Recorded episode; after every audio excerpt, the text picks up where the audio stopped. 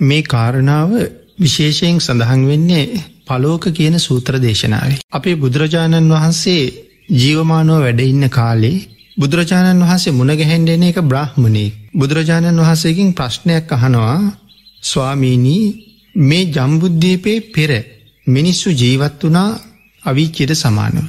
ඒ තරං මිනිස්සු ජීවත් වනා. මේ කාරණාවෙන් අපිට තව කාරණාවක් පැහැදිලි වෙනවා. අවීචයේ මොනතරං සත්ව ප්‍රමාණයක් ඉන්නවද කියන එක. ජම්බුද්ධීපයේ අවීචයේ තරං මිනිස්සු හිටිය කියල කිය. ලෝකයේ මහද්දීප හතරකට බෙදෙනවා. එක විශාලතම මහද්දීපේ තමයි ජම්බුද්ධීපය. ජම්බුද්ධීපයයි උතුරුකුරදිවයිනයි පූර්ව විදේහයයි අපරගෝයානයයි. සාමාන්‍යයෙන් අද ජම්බුද්ධීපය කියලා හැඳින්නුවොත් සෝවියට් රුසියාවෙන් තමයි ආරම්භ වෙන්නේ. ඉස්පාන්්‍ය පෘතුගාලය හරහ පැතිරිලාඇවෙල්ල හිමාල පර්වතය මධ්‍යලක්ෂය බවට පත් කරගෙන පැතිරෙන විශාල භූමි භාගයක්. යොදුන් දහදාහක් දිගයි යොදුන් දහදාහ පලලයි කළ සඳහන්වෙන්. ඒකෙන් යොදුන් හාරදාහක් සාගරයට යට වෙලා. යොදුන් තුන්දාහක් හිමෙන් වෙහිලා. යොදුන් තුන්දාහක පමණ ප්‍රදේශය තමයි මිනිසු ජීවත්වෙනව කියල සඳහන්වෙන් මේ මහද්දී පහතර විශාලතම මහද්දීපය. ඉති මේ ජම්බුද්ධීපයේ අවීචයේ තරම් ජනතාව හිටිය කියලා කියන්නේ. නමුත් ස්වාමීනි අද ඇයි අඩු කියලා බුදුරජාණන් වහසගෙන් ප්‍රශ්නයක් අහනවා. එතිකොට අද ඇයි අඩු කියලා අහපු හම භාගිතුන් වහස වැඩහිටපු කාලෙත් සැවැත්නුවර විතරක්. ජීවත් වන ජනගහනය පිළිබඳව ධර්මය සඳහන් කරනවා කෝටි දහටක් කියලා. රජගහනුවර ජීවත් වෙලා තියෙන කෝටි දහටක්. එතකොට මේ නගර දෙගේ තිස්සය කෝටියක් ජීවත් වෙලා තියෙනවා. ඒ තරම් විශාල ජනගහනයක් ඉන්න කාලිකයි යහන්නේ ඇයි අද මිනිස්සු හිග කියලා.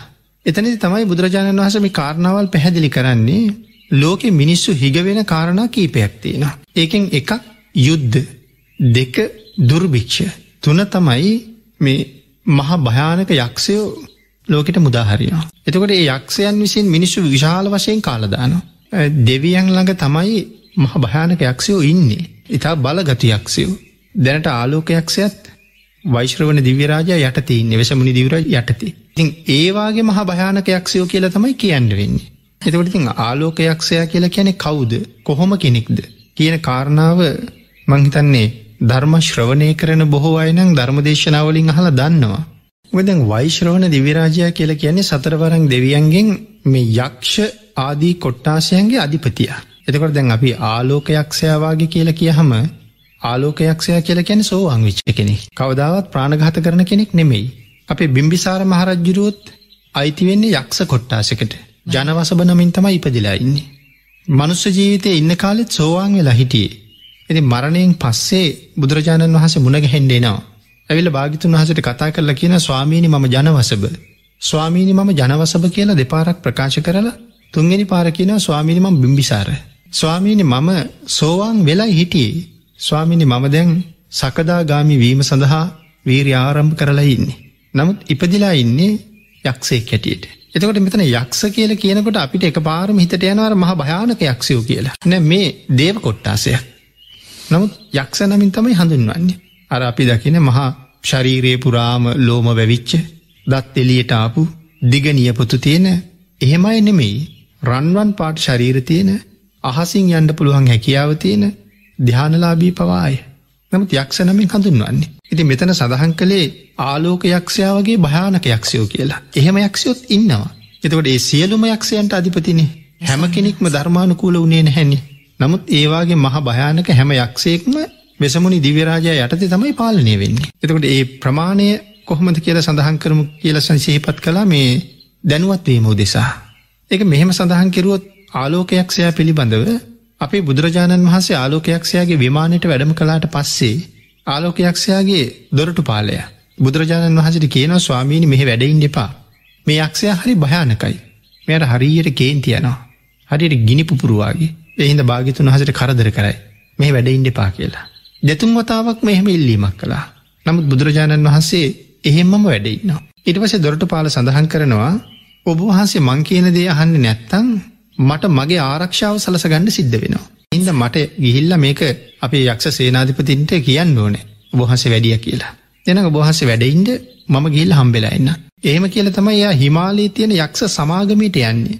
ග දාලෝකයක්ෂයා වෙලා යක්ෂ සමාගමයකට සම්බන්ධ වෙලාඉන්නේ යක්ෂ සේනාධිපතියෙක්න. එතෙන්ට ගිහිල්ල කාරණාව කියනකොටම තමන්ගේ දොරටු පාලයගේ කටවහනවා.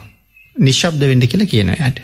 ගද භාග්‍යතුන් වහන්සේ වැඩිය කියලා අනික් යක්ෂයෝ ඉස්සරහපිට මෙයා කියන එකත් ආලෝකයක්ෂයට මහ මදි පුංචිකම අපි ගිහිල්ල බලාගම එතකං නිශ්ශබ්ද වෙන්ඩ කියලා කියන්නේ. මේ වෙලාවේ මේ යක්ෂ සමාගමයට සහභාගිවෙන්ඩ සාතාගිර සහ හේමවත කියන යක්ෂ සේනාධිපතින් දෙන්නත් එෙනවා. ඒ දෙන්න එන්නේ අහසින්. අහසින් එනකොට මේ ආලෝකයක්ෂයාගේ විමානයට උඩින් තමයි එන්නේ වෙනදත් ඒ ගොල්ල එන්නේ විමානයට උඩින් එදා විමානයට උඩින් අන්න බැරුව යන. එතකොට බලනව ඇයි කියලා බලහම් භාගිතුන් හස වැඩ ඉන්නවා. ඒ ගමම්ම පහලට බහිනා. බැහල බුදුරජාණන් වහන්සට වැඳල භාගිතුන් වහන්සේගෙන් ධර්මකාරණ ටිකුත් සාකච්ඡා කරගෙන මේ ගොල්ලු යක්ෂ සමාගමට පිටත්වෙනවා. මේ දෙන්න සෝවන් වෙලා ඉන්නේ මේ යක්ෂයෝ දෙන්න. ගිහිල්ල ආලෝකයක්ෂයට කියනවා ආලෝක උඹට අද මහ පුදුම භාගයක් උදා වෙලා තියෙන්නේ. අපේ භාගිතුන් වහසයාන් උඹේ මාලිගාවට වැඩම කරලා. දැන් එහෙම කියනවට ආලෝකයක්ෂයක් කැමති නෑ. නමුත් තමන්ගේ දොරට පාලයාට කටවහගන්න කියලා කිවට මේ දෙන්නගේ කටවහන්ඩ ආලෝකට බෑ. එනිසා නිශ්ශබ්දව ඉන්න ඇහුන් නෑවාගේ. ඉතින් ඇහුන් නෑවාගේ ඉන්න ඉන්න මේ දෙන්න කියනවා. ඒවෙලා යක්ෂයට කේන්තියනවා. කේන්ති ගියහම මේ දෙන්නගෙන් අහනවා උඹලගේ ඔය බුදු හාමුදුරුව කියලා කෙනෙ කවුද මංවාගේ කෙනෙක් ගාව කියලා හනවා.